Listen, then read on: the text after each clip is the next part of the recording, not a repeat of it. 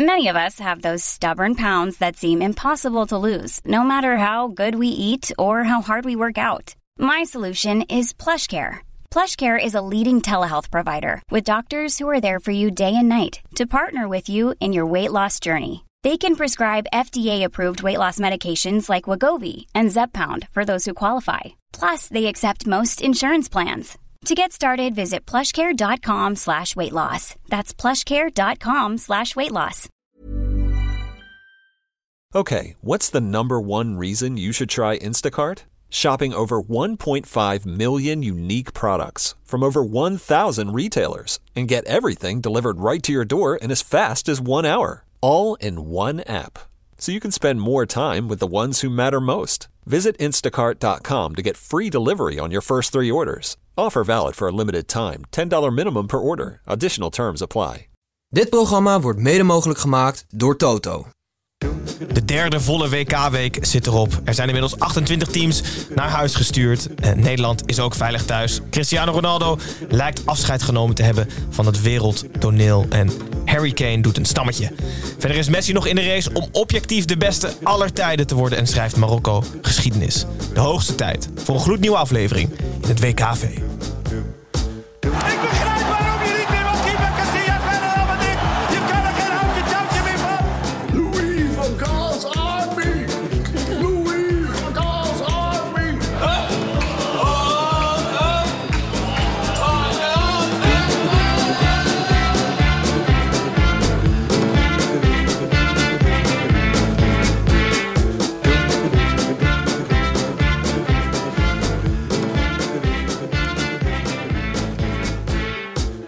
Goedenavond, kijkers van de YouTube livestream. En hallo luisteraars van de podcast. Ik ben Gijs.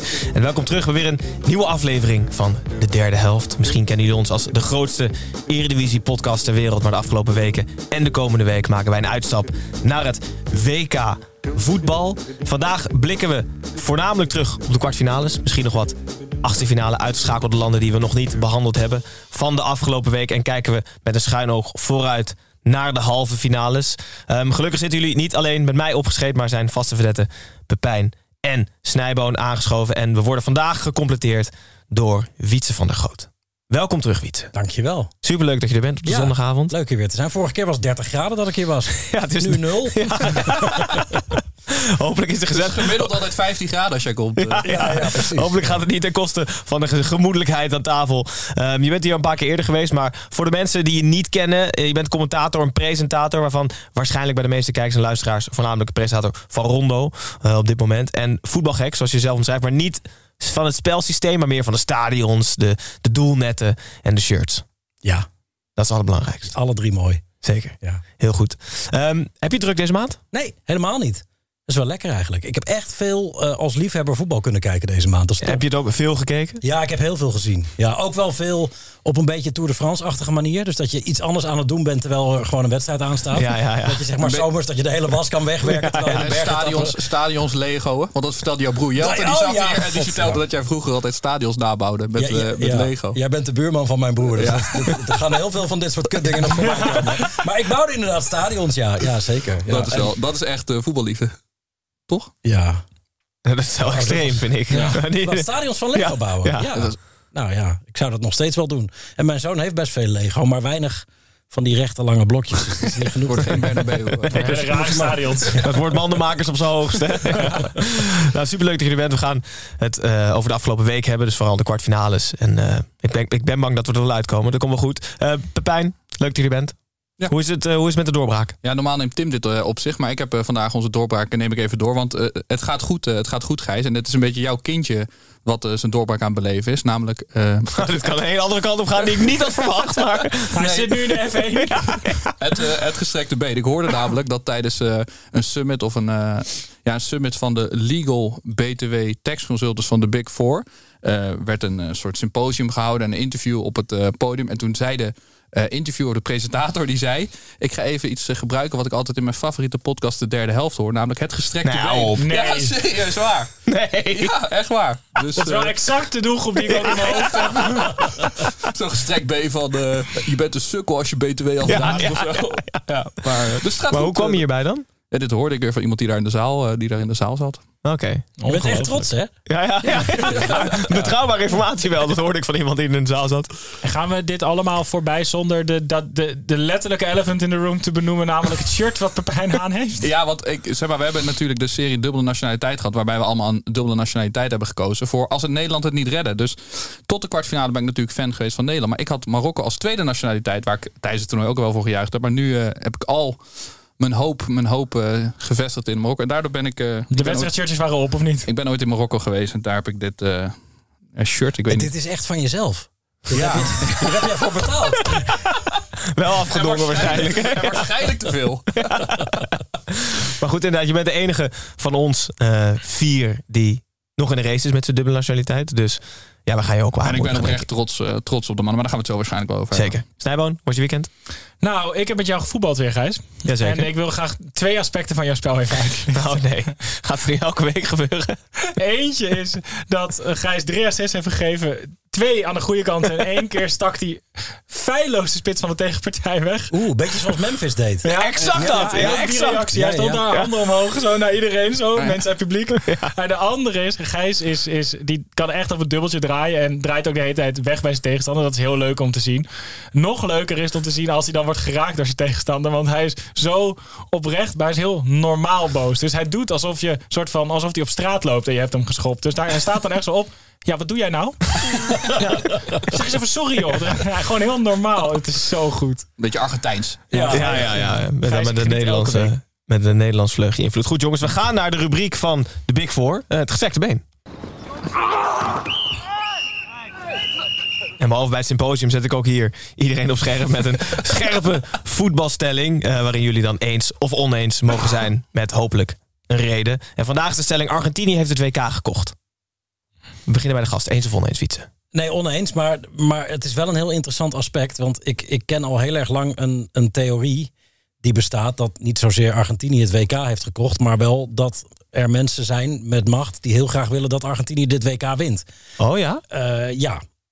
Dit is, dit, het is niet mijn theorie, Dus maar het is een oneens, theorie. oneens Nee, maar het is wel waar.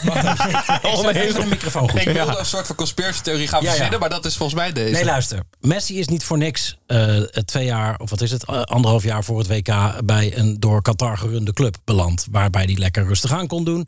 Eh, er is Qatar heel veel aan gelegen om een legacy eh, over te houden aan dit toernooi.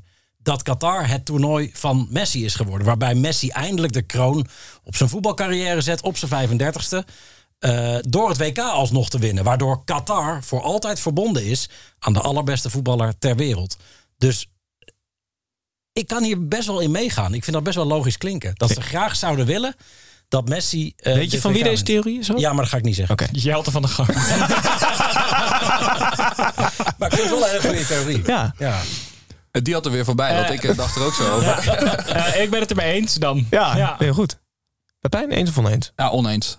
Ik vind het oprecht wel gewoon een Argentijnse scheidsrechter bij die andere kwart. Het kan toch gewoon niet. Ja, want het gaat over twee dingen volgens mij. Hè? Dus enerzijds de Ja. Spaanstalige Matteo Lajos die grappen zit- lijkt te maken de- met de spelers tijdens Nederlands Argentinië. En aan de andere kant de Argentijnse scheidsrechter van Portugal, Marokko. En bij die, eh, laten we bij die eerste beginnen. De geweldige dubbele bluff van de Argentijnen om na de wedstrijd boos te worden op de scheidsrechter. Geniale move natuurlijk. Slaat nergens op, maar geniaal. En dan is een Argentijn met die andere kwartfinale. En die ervoor zorgt dan dat op papier het sterkere land eruit gaat. Ik weet dat het natuurlijk niet waar is. Maar het is wel heerlijk als je zelf eruit ligt. Om gewoon heel veel externe factoren de schuld te kunnen Maar geven. wat heeft die Argentijn zo verschrikkelijk fout gedaan dan? Want hij geeft toch gewoon een Marokkaanse speler rood en trekt acht minuten bij.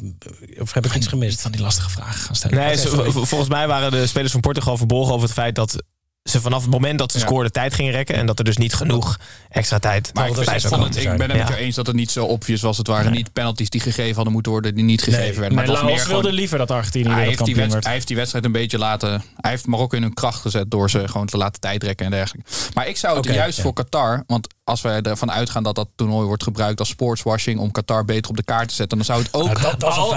Als Ja. we daarvan uitgaan, laten we dat als startpunt nemen. Ja. Nee, maar dan zou het natuurlijk voor hun nog veel idealer zijn als het Ronaldo tegen Messi in de finale was. Absoluut. Dus wat dat betreft is, is eh, Portugal elimineren niet de meest slimme zet, Ja, maar dan is die Nee. theorie wel te makkelijk. Nee, nee, nee. Maar dat was was misschien de bedoeling. Totdat Ronaldo op de bank kwam. Toen dachten ze, ja, dan gaat Portugal er ook Ja, ja. nou maar uit. Dan kunnen we beter Marokko. Dat is dan een beter verhaal. Ja, Eh, of- tegen Messi. Ja. We hebben hem ook uitgezet bij onze social media volgers. En ik heb er één, iemand uitgepikt die het er mee eens is. Die zegt Messi wint volgend jaar ook de Formule 1 en de Eurovision. Patrick en L14. En één iemand is het oneens. Bips Flipsman. Eh, die verwacht namelijk alsnog dat Qatar volgende week in de finale staat. Ja, dus dat zou wel heel leuk zijn. dat, Ja. dat zijn ook nog twee mogelijkheden. Goed, jongens. Ehm, we gaan naar het voetbal. En we gaan naar de eerste kwartfinale die gespeeld is afgelopen week. Kro- Kroatië tegen Brazilië. Het lijkt er weer een eeuwigheid geleden. Maar deze wedstrijd was een kraker met een zeer verrassende wending. Nadat Neymar zijn land al dansend op voorsprong had gezet... waren de taaie, oude, ervaren Kroaten het aan hun toernooitraditie verplicht... om er minstens een verlenging uit te slepen. En zo geschiedde. Sterker nog, de sensatie was compleet toen ze met penalties wonnen... en zich weer plaatsten voor een halve finale op een WK. Snijboon, jij geniet van de Kroaten, zei je. Ik kan denk ik 14 wedstrijden op rij kijken die in 0-0 eindigen, maar waarin alleen maar de bal heen en weer gaat tussen Kovacic, Broz, Brozovic en Modric. Dat, ik ben zo blij dat je dat zegt. De manier waarop die drie elkaar een paar keer opzochten. Ze stonden op een paar vierkante meter. Dus het hele middenveld van Kroatië.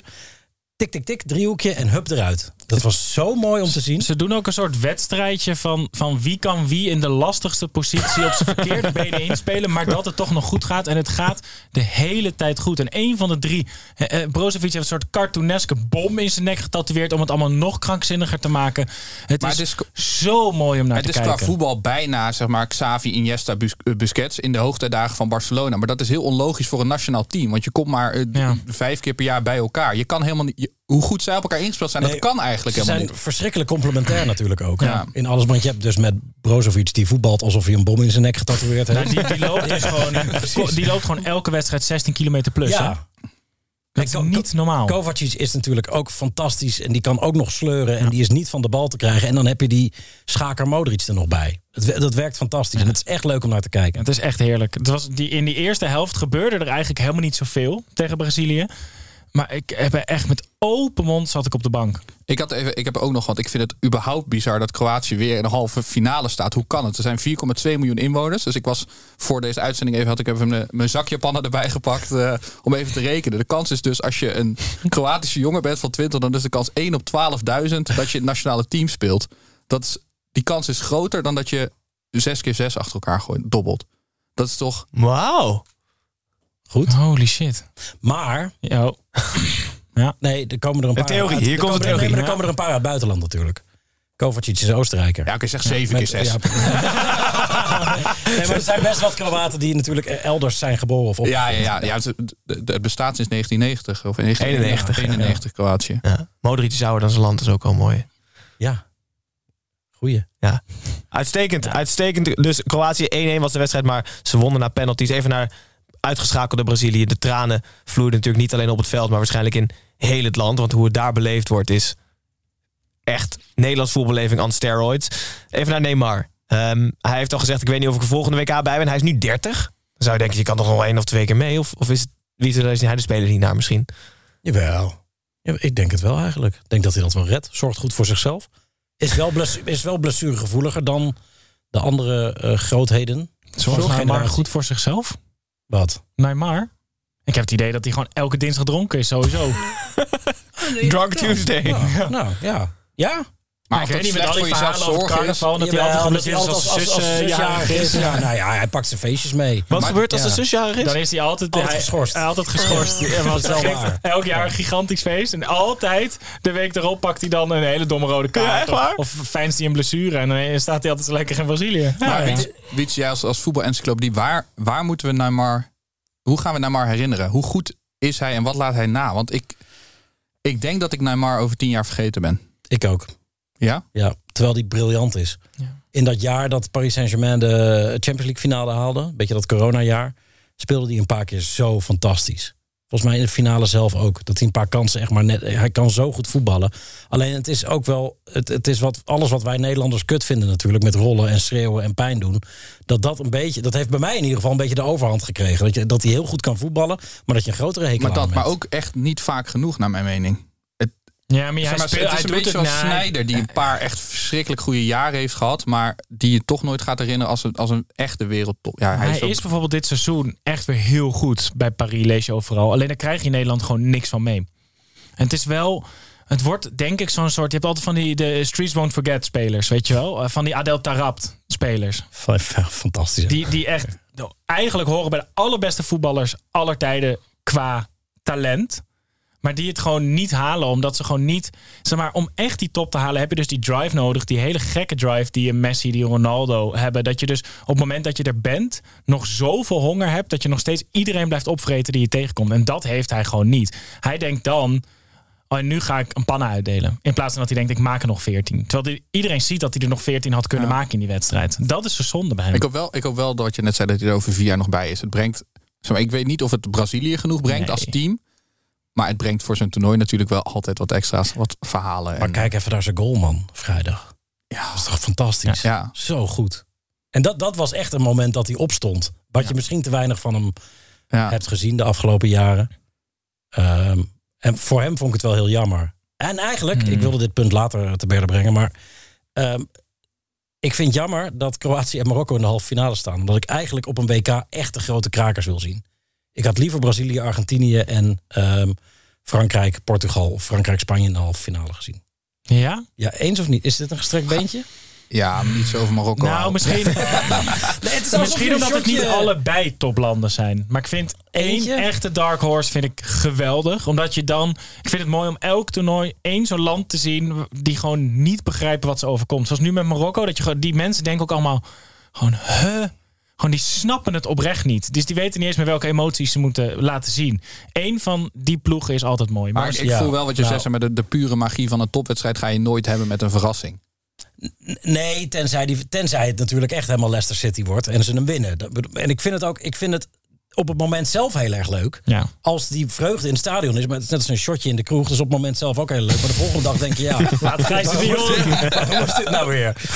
Ik, ik had me heel erg kunnen verheugen op Brazilië, Argentinië. Ja, en maar- ik, ik kijk dus ook heel graag naar, naar Kroatië. Maar het is toch, het heeft niet de grandeur die je wil dat een WK heeft. dat is eigenlijk. waar. Net als Frankrijk, Marokko. Ik gun het die Marokkanen van harte en ik vind het fantastisch om te zien.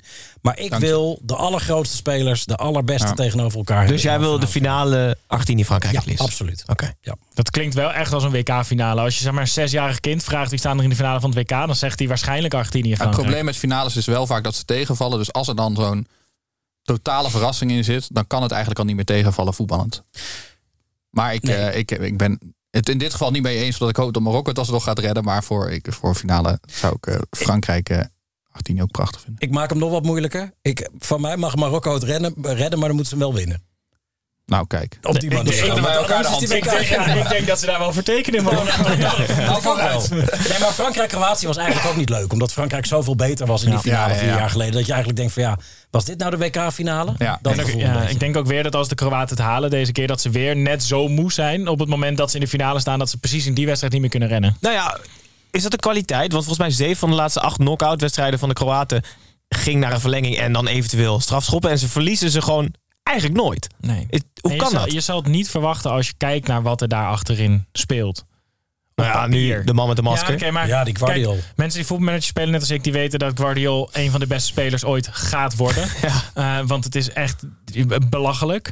Eh, en hij laat het nu ook echt zien. De, hij zou prima op dat middenveld mee kunnen, volgens mij.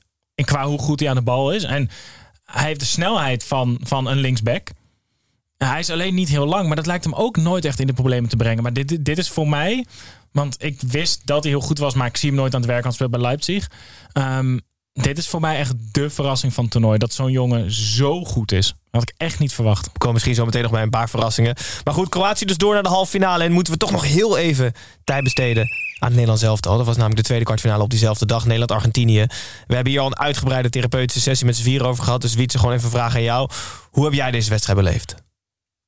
Ik heb geen flauw idee. ik weet nog steeds niet waar ik naar heb zitten kijken. Het, is, het, het, het duurt nog wel even. Ik, ik ben er al wel overheen, maar ik heb het nog niet verwerkt. Wat ik, wat ik aan, aan informatie en gebeurtenissen en, en wat ik allemaal voorbij heb zien komen. Ik weet nog niet eens wat ik ervan vind, eigenlijk. Ik, ik zit Boos, al, verdrietig. Nou, dat niet zozeer. Licht gefrustreerd. Iets grotere hekel aan Argentijnen gekregen.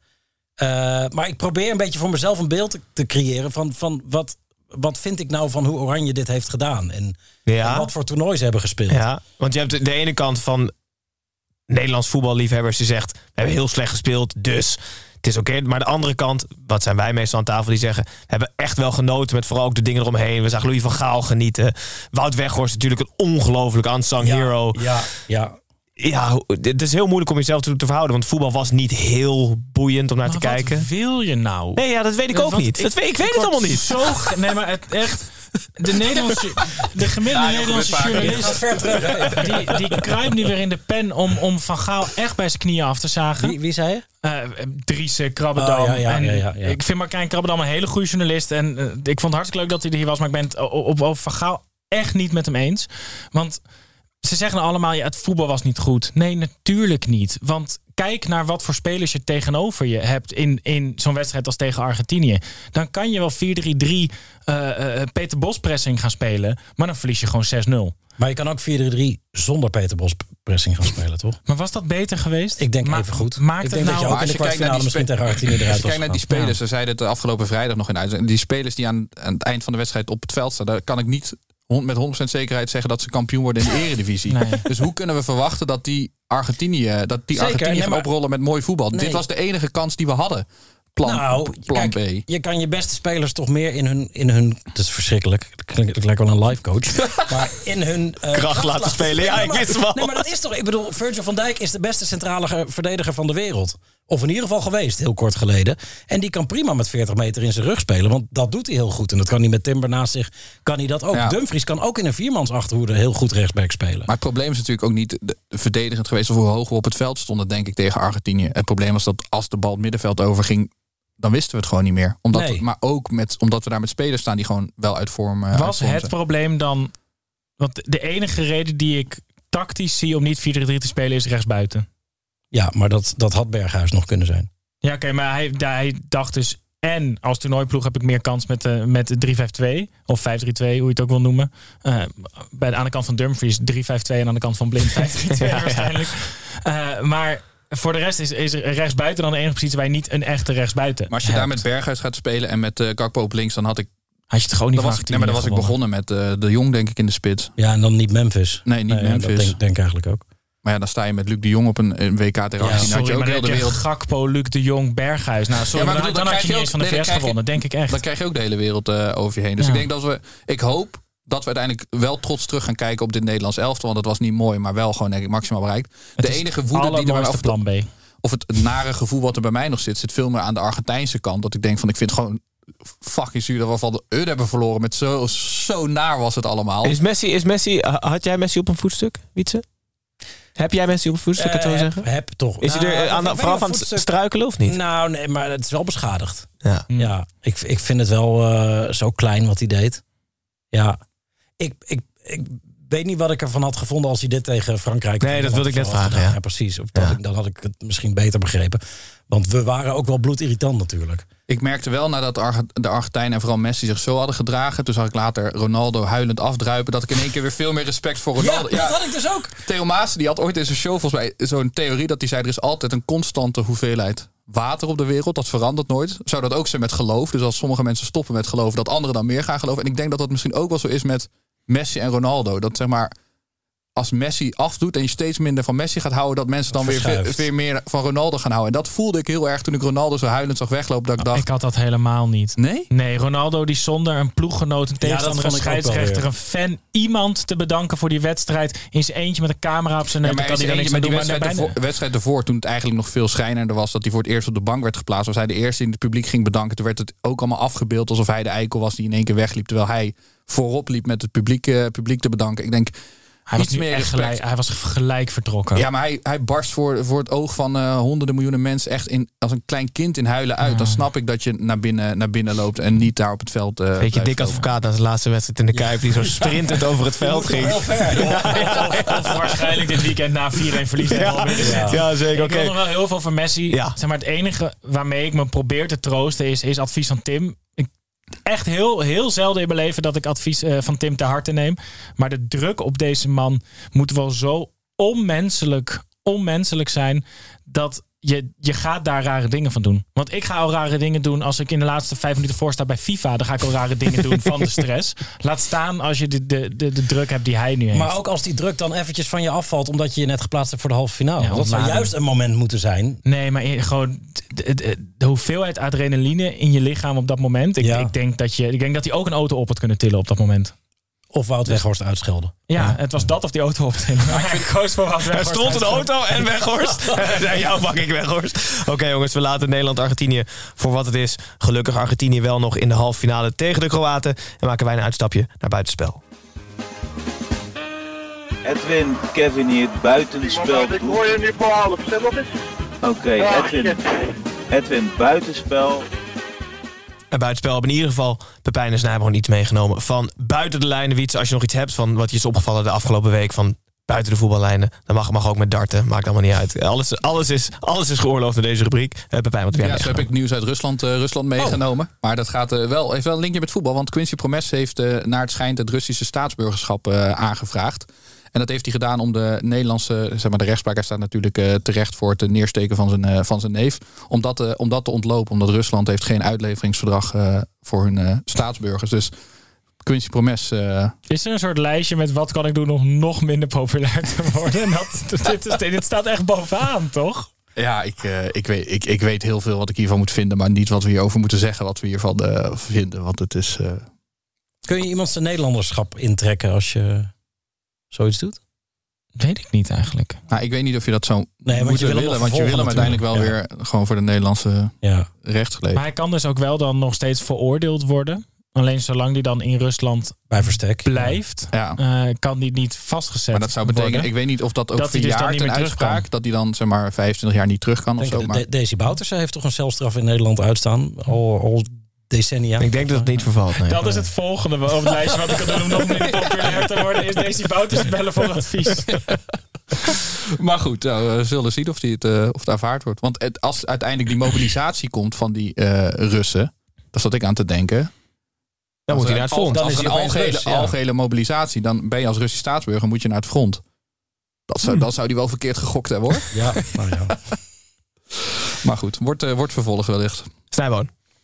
Ja, ik eh, wil toch nog heel even terugkomen op de wedstrijd van Engeland. Want Engeland eh, plaatst zich natuurlijk niet voor de halve Zullen we het finale. zo over hebben? Eh, maar dat was het marketingteam van Tottenham Hotspur even ontschoten. Die hebben namelijk... gooi hem er maar in, Scott. Ja, ja, ja. Kijk, dit is mijn favoriete logo van Spurs namelijk. Ehm, een, een mail via het marketingsysteem gespeel, gestuurd met... Watch England in a World Cup semifinal. A world-class venue for World Cup screenings. Die hebben al hun fans uitgenodigd om de halve finale van Engeland te komen kijken in het stadion. Experience the excitement and drama of a World Cup semifinal at Tottenham Hotspur Stadium. With a place in the final at stake, England's date with destiny awaits on Wednesday, December the 14th. Zouden ze nu gewoon wel gewoon uit gaan zenden daar? Gewoon Ik vind mo- het zo- Beloofd is beloofd. Iemand is op zoek naar een nieuwe baan, denk ik. Ja, ja, het is zo goed. Je hebt zo'n filmpje van eh Chiellini die na een wedstrijd wordt geïnterviewd. eh, eh, waarin Spurs dan eigenlijk had moeten winnen, maar het verneukt in de laatste minuten. En hij zei zo super blij naar de camera, zei hij toen: It's the, it's the history of the Tottenham. zei hij dan. En dat is echt, de Arsenal-fans gebruiken dat elke week ongeveer. En dit is echt weer classic, the history of the Tottenham. Spursy. Ja, Zeker. geweldig. Is jou nog iets opgevallen, Wiets, van buiten de lijn? Of zullen we langzaam weer door naar Marokko-Portugal? Eh, Ja, ga maar door dan. Misschien kom ik er nog op. Of is het dan te laat? Dan is het te laat. Oké, jammer. Marokko-Portugal. Eh, Marokko had een panel in de hand om echt geschiedenis te schrijven. Maar het moest nog wel even het papiertje van Portugal afpakken. Eh, het had wat voeten in de aarde, maar na ruim 90 minuten was het papiertje in handen. En is Marokko de eerste Afrikaanse en Arabische ploeg en land dat zich plaatst voor de halve finale van een WK. 1-0 wonnen ze van de Portugezen. Pepijn, jij zit hier in je mooie outfit. Hoe zag je dit in godsnaam aankomen een paar weken geleden toen jij Marokko als dubbele nationaliteit adopteerde? Ja, ik, ik zeg altijd dat ik het meest verstand van voetbal heb hier aan tafel. Maar dat blijkt maar weer eens. Want ik, ik, zag dit, eh, ik zag dit aankomen. Nee, het is natuurlijk... Ja, ik denk dat iedereen het natuurlijk gewoon helemaal fantastisch vindt eh, voor de ploeg. Behalve de Zwitser. Want die... eh Nee. geitje, geitje, geitje. Nee, maar ik, eh, ik ben ook eh, echt heel erg aan het genieten van, eh, van de trainer. Eh, Rek- ik heb moeite met zijn naam te spreken. Jij Ja, bent Rek- nee. Rek- Walid. Ja, Walid, ja. Jij noemde hem altijd de trainer van Marokko. De trainer van Marokko, ja. Trainer. De trainer van Marokko. Maar wat wel een, een saillante feitje is, is dat hij dus in 2007 bij... Giroud. Ja, heeft hij gewoon samengespeeld met Giroud. Oh ja? Ja, met de spits die die eh, gaat, eh, gaat feesten nu. En wat ik ook nog leuk vind aan, de, aan deze trainer... is dat hij avocado hoofd wordt genoemd. Volgens mij door de vorm van zijn hoofd is een beetje een, geuze, een geuzennaam voor mij. Hij heeft het helemaal on- omarmd. Dus de spelers noemen hem volgens mij ook avocado hoofd. En hij doet ook eh, eh, smileys op Twitter. Bijvoorbeeld met zo'n avocadootje doet hij er dan eh, bij. Maar eh, die hoofd moet dan de pit zijn of zo? Nee, Nee, de, de het hoofd denk is de avocado. Als je hem opensnijdt, zit er ook avocado in. Oké. Zijn hoofd heeft gewoon de vorm van een avocado, toch? Ja, dat, is het idee. volgens mij, dat is Oh, volgens oké. Ik dacht dat de pit is altijd heel glad van avocado. Weet je wel, dan dus probeer je je mes in te zetten en dan glijdt hij altijd af. Dus bij- Heel veel mensen melden zich daarmee ja, in ja, ja, ja, met, met, zo'n snijding. Ja, ja. ja. pas. Avoca- ja, Maar, eh, avocado hoofd. Maar hij heeft wel, eh, zeg maar, wat, wat Louis van Gaal uitstraalt dat hij doet met het team, dat doet hij ook echt met het team. Wat je ervan, wat je ervan meekrijgt. Dat er gewoon geen. Zeg maar, hij heeft de sterren, de ster of de grote ster heeft hij eigenlijk teruggehaald. Wat natuurlijk best wel riskant is om, eh, om te doen. Omdat je niet weet wat dat doet met de verhouding in, de, in het team. Omdat hij nou niet heeft geholpen met de kwalificatie ervoor. Maar hij, hij, doet het, eh, hij doet het echt fantastisch. En ik heb ook het idee als je dat team ziet, dat het gewoon een en al geluk is wat ze uitstralen met elkaar. En ik, ik heb niet vaak zo'n vechtploeg gezien, wat eigenlijk heel veel technische spelers zijn. Ja, het is ongelooflijk wat ze presteren natuurlijk. En, en ik bedoel, het is ook een combinatie van mazzel eh, en, en die wilskracht natuurlijk die ze uitstralen. Maar het, en, een, en een geweldige keeper. Ja. Wat het nog vreemder maakt is natuurlijk dat hij eerder dit WK eh, afhaakte voor een wedstrijd nog. Met, met wat voor problemen dan ook. En dat hij nu echt fenomenaal staat te keepen. Geen doelpunt tegen, toch nog? Een eigen goal. had Ja, een eigen goal, ja. goal. Tegenstander heeft er niet bij ze kunnen Nee, scoren. nee, nee. Ongelooflijk. Ja. Ik zat nog heel veel te denken. Je hebt in Amsterdam heel veel tenten die dan smashed avocado aanbieden. Dus het is eigenlijk smashed requagui. Moet je dat even nu maar hernoemen, ik denk toch? wel dat avocado makkelijker is op het menu. Ja, Oké, sorry. Ik vind die, eh, die spits die rood kreeg, die eh, Walid Gedira. Ik vind dat zo goed. Want het is, het is alsof ze iemand hebben meegenomen die, die gewoon een, vra- een vraagprijs heeft gewonnen. Hij speelt in Serie B, toch geloof bij ik? Bari. Waar hij serieus nog volgens mij best wel goede cijfers kan overleggen. Ik had er even naar gekeken. Volgens mij heeft hij dit seizoen heeft hij, ja, 9 uit 12. Dus dat is echt prima. Ongeveer één goal per 110 minuten. Maar Serie C. Serie B bij Bari. Maar hij loopt alsof hij twee protheses heeft die eigenlijk voor iemand anders bedoeld waren. Het is ongelooflijk. Niet zo goed is dat dan? Of die echt voor de 100 meter loper bedoeld waren. Die dat in... Er zijn twee van die protheses van uh, Usain Bolt. Prima. Ah, ik vind dat zo goed, jongens. Ik, ik, dat- is toch waar het WK eigenlijk om draait. Zulke spelers aan het werk zien. Ja. Zo ja. En maar we hadden het over het middenveld van Australië. Of Australië van Kroatië gehad. Maar dat middenveld van Marokko met vooral Amrabat en Unai zijn voor mij... Vooral die, die tweede is voor mij echt ontdekken van het toernooi. Wat een heerlijke speler is dat. En Ja. Amrabat, hij heeft objectief, objectief bij de beste vijf spelers van het WK tot nu toe. Hè, Amrabat. Dus, Ja, eh, jij, als kenner van schitterend. de, jij als kenner van de Europese velden, waar moet hij heen? Wie Amrabat? Amrabat? Ehm, ik zou hem dan wel in de Premier League willen zien. Arsenal. Ik zou hem echt morgen nemen bij Arsenal. Maar dit vind ik dus wel altijd heel erg link. Want eh, Dus de Royston je hebt, Drenthe. je hebt Toto Skilacci's, zeg maar, best wel veel op een Ja, ja, hij is en, en wel- ja. doet het wel heel goed bij, bij hij is, Fiorentina natuurlijk, natuurlijk. ja, hij is wel gewoon bezig met een best wel steady rise to fame, ook op de Ja. achtergrond. Ja. Van, van Hellas naar, eh, naar Fiorentina, waar hij nu ook gewoon wel echt gewoon een goede speler is. En dan dit erbij. En dan bij Arsenal Party is 31, blessuregevoelig. En ze zoeken echt al twee jaar naar een backup nummer 6. Dus het is best wel een logische plek om heen te gaan, ook voor hem. Jij vindt wel vrij veel goede spelers logisch bij Arsenal. Hè? Nou ja, ik- hij, hij mag voor mij ook prima naar Man City. Maar daar gaat hij echt geen minuut spelen. Maar als je hem nu ziet spelen, dan, dan denk ik, nou dan gaat hij ook spelen. Nee, gaat- nee maar, ja, dat, ja, maar, ja, maar dan ga je te veel gaan met Rodriguez. Ja, Ja, precies. of Maceo Richter. Of, eh, Ja. Jeetje, dat, dat- van James Rodriguez naar Maceo Richter. Die, die deed het toch met een onder 21 toernooi? Ja, ja, die normaal. Ja. ging hij naar Ja. Black, waar ging Ja, Blackburn, Blackburn Ja. Rovers. Ja. En waar ging. Emnes dan heen? Die ging naar Blackburn. toch? Nee, Middlesbrough. Middlesbrough. Oh, ja. Ja. Oh, wat hebben ze in Engeland toch veel te veel geld, hè, die clubs. Ja, ja. Kan je daar een hoop dingen, domme dingen doen met je geld? Jij Zeker. eh, verdrietig, afscheid van Ronaldo? Nee. Nee. Ik heb niet zoveel met Ronaldo. Het is niet ons afscheid van een WK. Hij is nu 37. Ik denk niet dat hij op zijn 41ste nog een keer een WK gaat spelen. Maar, is, er, is het voor hem... Hij begon dit jaar eigenlijk als basisspeler van United. En een half jaar later is hij clubloos, gepasseerd bij zijn land, uitgeschakeld. En lijkt het erop dat hij voor 2,5 jaar naar Saoedi-Arabië gaat. Het is wel een steile afgang, zeg Ja. maar. De herfst van zijn carrière. Het zijn allemaal zijn eigen keuzes. Ja. Ja, maar het is wel echt... Zeg maar, de herfst is wel echt een hele koude week in oktober geworden gelijk. ja. Het is wel echt... Maar ik weet wel Echt zeker dat hij nog één interland gaat spelen. Hè? Jullie weten waarom. Ja. Moet hij eh, om record international eh, ter wereld Ja. dan Ja. te worden? Ja. De, hij is nu gelijk met eh, mannelijke internationals. Hij heeft 196 interlands en deelt dat record met Badr Al Matoua van Kuwait. Ik zou het Die zo niet meer vet actief is. vinden- Ik zou het zo vet vinden als hij al zegt, nee, hoeft niet. Niet, maakt me niet zoveel uit zo'n record. Hem kennende.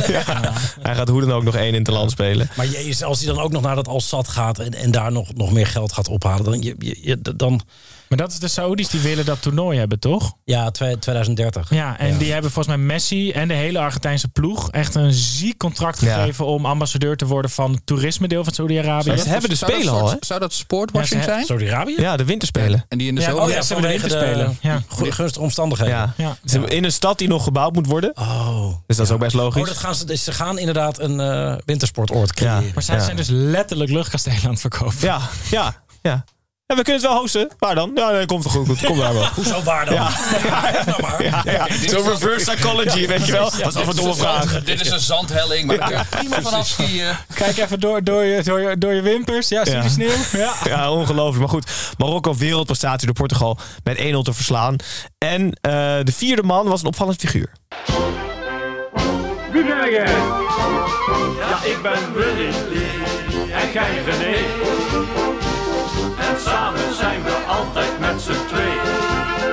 We leren Nederland nog steeds de lookalike in, waarvan wij mensen met elkaar vergelijken. Want soms zijn het ook van binnenlijn. In dit geval is het twee keer binnenlijn, ingestuurd door Koen van Schaik. Eh dankjewel daarvoor. Ja, holy Eh, shit. Want vier, hij was vierde man. eh, de, de spits van Rangers, iets wat overgewicht altijd. En hier zie je ook bij de, als die vierde man nog een klein buikje aan de onderkant. Dus daar moest wat af. Dus hij klust bij als scheidsrechter op het WK Alfredo Moreles. ehm, moet ik zeggen. Die vaak trouwens zelf rood pakt. Dus misschien heeft nog een link. Dat Ik is daarom wel een uitstekende maar scheids is. Goed gezien van een hele goeie. Ja. Dus er komt te zien op onze social kanalen. Ik heb er ook nog één. Ah, je, oh nee. Kom dan. Eh, Scaloni. Miel, Miel Brinkhuis, de perschef van Ajax. Eén op één. We gaan hem nu even opzoeken. En als hij goed is, zetten we hem ernaast. Heel graag, Heel goed. Pepijn zoekt hem op. Terwijl we doorgaan naar de laatste kwartfinale eh, die deze week gespeeld is. Frankrijk-Engeland.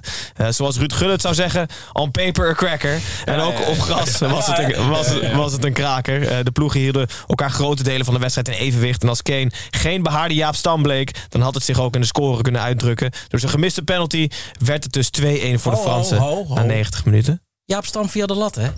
Was dat, eh, kuste hij de lat? Ja, die ging gewoon via de lat, die penalty. Oh, Ja. dus hij is helemaal geen behaarde Jaap Ging nou midden door je tekst. Dan moeten we een hele uitzending op Eh, De volgende keer doe ik het bij jou, hè, bij Rondo. Dan kom ik zo maar binnen. Een soort streaker. Ja. En dan gewoon weer rustig weglopen. Zit je daar afleveringen lang te wachten op een foutje? Ja, precies. Hoeft, Ehm niet, hoeft niet zo lang hoor trouwens. Nee. Ik dacht, ik zeg dit. Het alternatief is ook niet zwaar. Wietse. Eh, zijn de verwachtingen van Engeland eigenlijk altijd wel reëel? Of is het net of is het normaal dat Nee, ze die- kunnen verliezen van de Fransen? Ja, dat sowieso. En de verwachtingen van eh, de Engelsen zijn altijd te hoog geweest. Tot nu eigenlijk, want ze hebben wel echt een hele goede ploeg. Ehm, misschien op het hart van de defensie na. Ehm, maar dat was gisteren eigenlijk ook niet het probleem. Nee. Dus nou ja, ze hadden, ook, ze hadden zomaar kunnen winnen. Ze speelt toch pri- best wel Ja, prima ze toernooi. best wel goed. En het is een goede mix nu van, van type voetballers en, en leeftijden en zo. Brede selectie, goed. Ehm, ja, bedoel, dat- ja, dat is een enorm cliché, maar het had zomaar de andere kant op kunnen vallen. Ja. En Misschien ook wel moeten De vallen. bal is rond, hè? De bal is behoorlijk rond. Ja, maar, nee, maar dat, ik Ja. bedoel, ze zijn er heel vaak op een enorm lullige, eh, maar terechte manier uitgegaan. Terwijl ze dachten dat ze wereldkampioen zouden gaan worden. Alleen ik vind dat ze nu wel gewoon echt een goede ploeg hebben. En een goede bondscoach. Maar over eh, vier jaar ook nog steeds. Dan staat die kern met, Ja, eh, met ja. Foden en Bellingham. En eh, Beter Rashford is dan 29 of zo. Dan hebben ze ho- hopelijk Pickford er ook uitgefaseerd. Dan ga je niet beter van voetballen voor zo'n keeper. Nee, want Ramsdale moet op doel natuurlijk. Hè. Ja, ja, ja. ja, Dat maakt er niet zo heel zegt hij. Ik, nee, maar ik kan me niet voorstellen dat die Engelse Jelle Terouwla dat je er beter van gaat voetballen. Die staat gewoon 90 minuten in je oor te tetteren daar. Ja, ja. Ze hebben wel, ik denk wel dat die Engelse dekstrootjes in de rust hadden hoor. Want wat daar voor de rust op het veld gebeurde en wat daar na de rust op het veld gebeurde, was echt. Wat een verschil was dat. Ik had best wel veel hoop voor Engeland eh, dit toernooi. Omdat meestal natuurlijk zo'n toernooi in de zomer. Dan hebben zij heel die Premier League die gewoon voor alle spelers slopend is. En die bijna alle spelers spelen gewoon eh, in Engeland. Maar nu met dat, met dat wintertoernooi. Ze hebben nou ja, halverwege het seizoen. Ze zijn nog niet helemaal back af. Eh, Dus ik, ik, ik dacht van daar zit Ja. het, het grootste. Voor Engeland is eigenlijk zo'n toernooi in de winter het grootste, het grootste voordeel. Maar ja, zij zijn ja, ze zitten dan dichter bij elkaar nog met andere competities. Ja, ja, ja. Want Dat- ze zijn relatief natuurlijk wel meer op dan andere spelers, ook in de winter. Ja, maar ik denk wel dat het verschil kleiner is dan eh Ja, uiteindelijk. dus, ja, dus omdat dat exponentieel... Ja, ja, ja. ja, tekenen het even uit.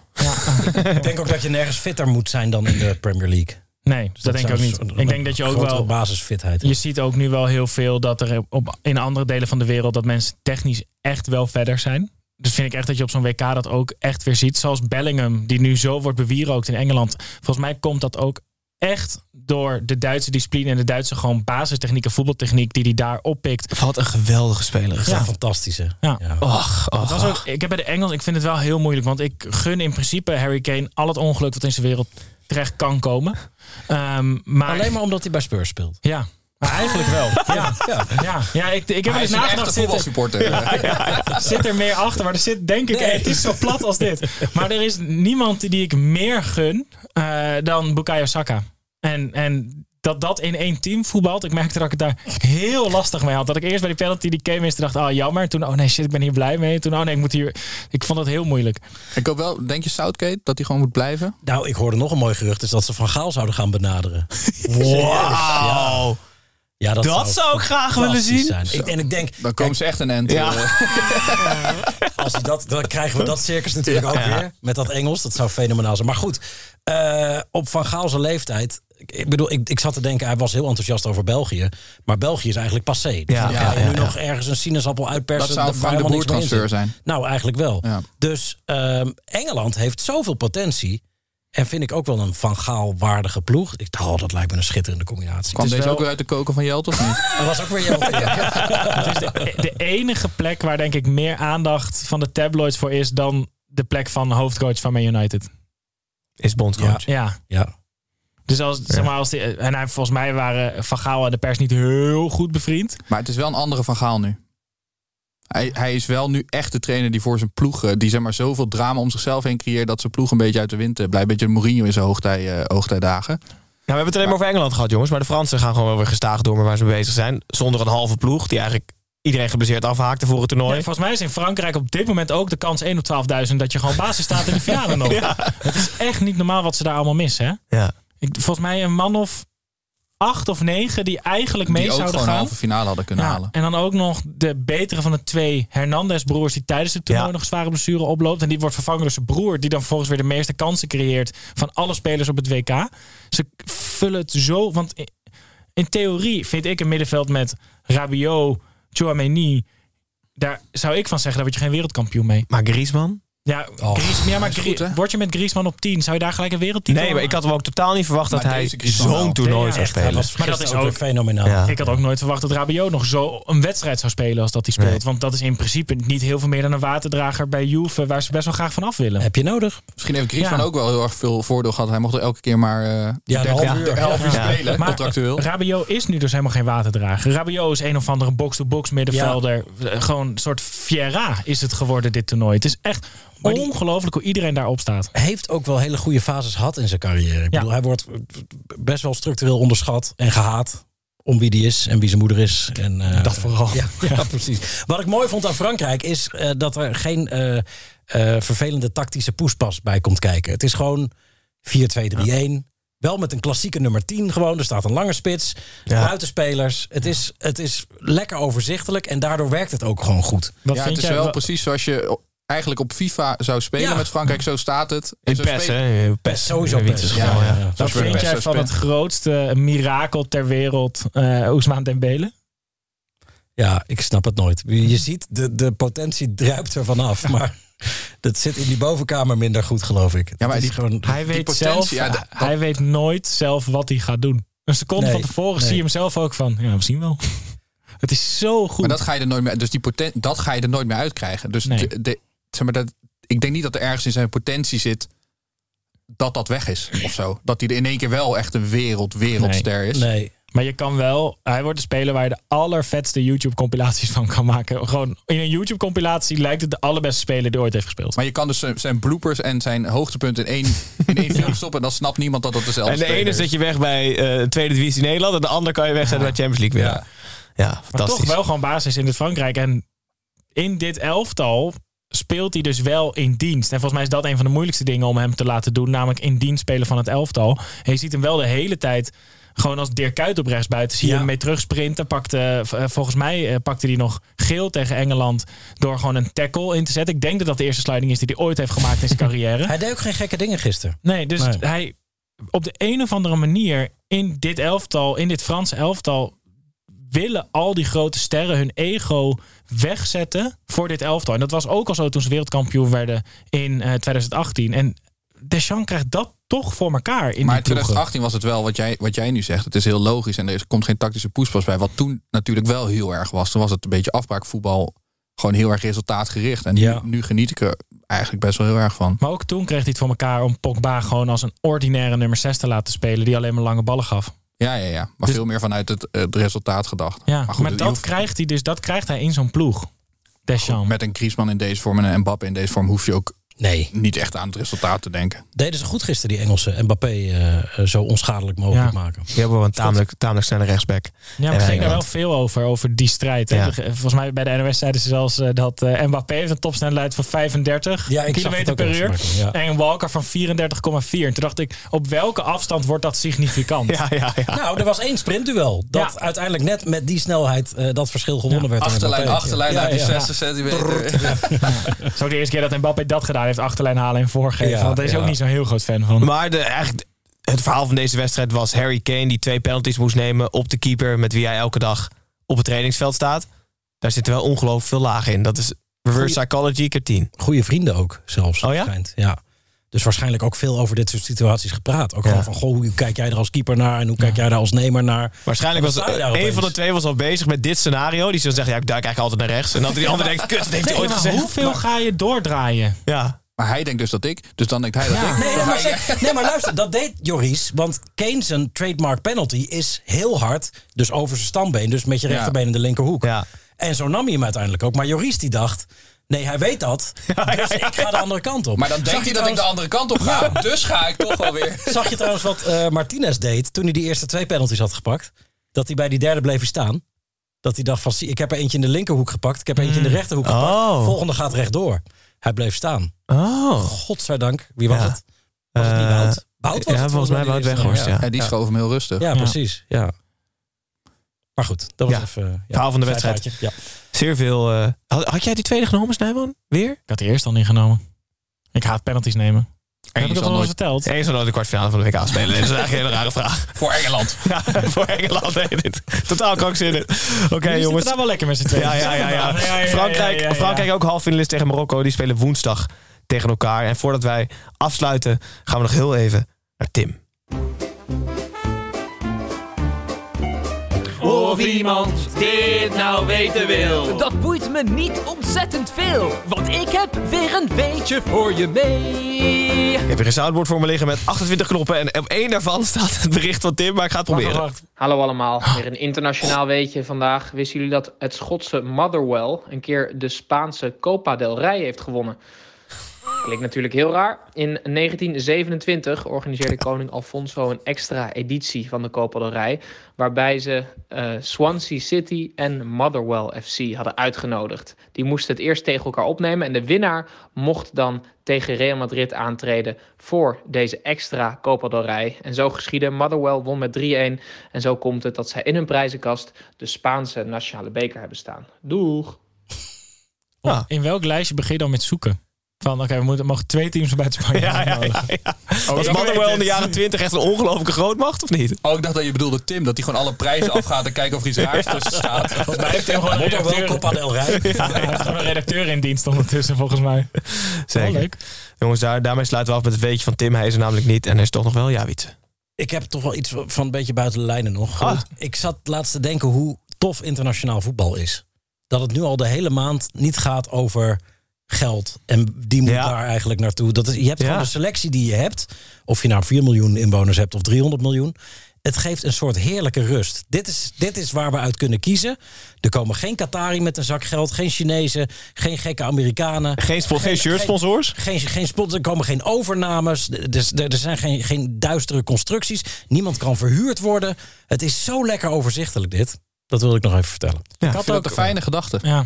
Ja, ik had ook, heerlijk. Ik heb ook nu in dit toernooi, we hadden het er volgens mij ook over, dat als iemand nu aan me zou vragen voor wie ben je, dat ik dan zou zeggen, ja, voor Nederland. Weet je, alsof je echt Ja. helemaal geen verstand hebt van voetbal. En dat je dan zegt, ja, voor Nederland. maar het is wel echt een beetje zo nu. Waar moet Bellingham heen? Helemaal nergens. De komende 15 jaar gewoon voor Engeland spelen. Ja, dat is toch fijn? Ja, ja. Alleen Promes kan er misschien nog voor de Russen uitkomen. Ja, dat dat, nou, ik dat gun ik hem van harte. dat, dat zal ooit nog, dat zal ooit nog weer komen. Eh dankjewel voor deze toevoeging. Geeft, geeft veel rust. Mooi. Geeft rust in de, in de hoofden van de kijkers en luisteraars en van ons. Ehm, dan dank ik jou, Wietse, voor je aanwezigheid. Superleuk. Gedaan, was leuk. Dat je was op zondagavond. Snijboon, Pep, bedankt. Ehm, we zijn er deze week nog, ondanks de uitschakeling van Nederland. Pepijn host het WK-journaal. Elke maandag tot en met vrijdag om 10 uur live op YouTube. En daarna gewoon als podcast een kwartiertje over de dag van vandaag. En blik je ook heel veel vooruit naar de dag van morgen. Ehm, Met wie mag ik eh, opdragen morgen? eh, geen idee. Niet met mij. Nee, ook niet met mij. Dan, zal Dan dan niet- hopelijk met dan- Tim. dan- dan- dan-. Of Wietse. Dus dat doen we. En dan zijn we... op echt dat Ik ga naar half acht morgen. Oh ja? Ja. Maar dan kan je hier om tien uur zijn. Eh, hoe laat begint half acht? Niet. God, had maar niet serieus een tijdje niet om half acht. Ja, nee, die wilden een paar minuten eerder beginnen. Omdat ze dan een talkshow-oorlog wonnen met de rest van de talkshows. die wel om half acht begonnen. Twee voor half acht. Maar dan zonder klinkers. precies. Nou, goed, er zijn er dus nog maandag tot en met vrijdag. En dan zondag weer na die finale. Om op die finale terug te blikken. Dat doen we met z'n vieren. Ehm zonder Wietse. Met Tim in plaats van hem ontslagen. Ja, sorry. sorry. Ehm, ja, dat, dus dat. Dus we zijn nog een aantal keer. Ehm kijkers, luisteraars, dankjewel voor het kijken. Dankjewel voor het luisteren. Wietse, nogmaals dank. En dan hopelijk eh, tot de volgende. Dag.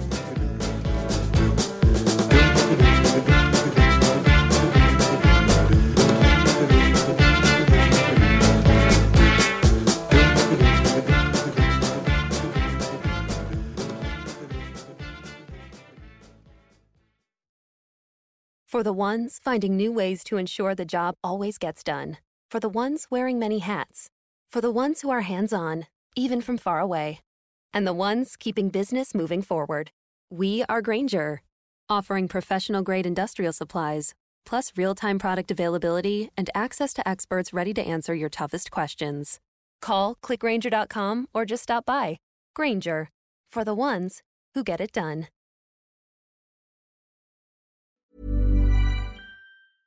Mom deserves the best, and there's no better place to shop for Mother's Day than Whole Foods Market. They're your destination for unbeatable savings, from premium gifts to show-stopping flowers and irresistible desserts. Start by saving 33% with Prime on all body care and candles. Then get a 15-stem bunch of tulips for just $9.99 each with Prime. Round out Mom's menu with festive rosé, irresistible berry chantilly cake, and more special treats. Come celebrate Mother's Day at Whole Foods Market.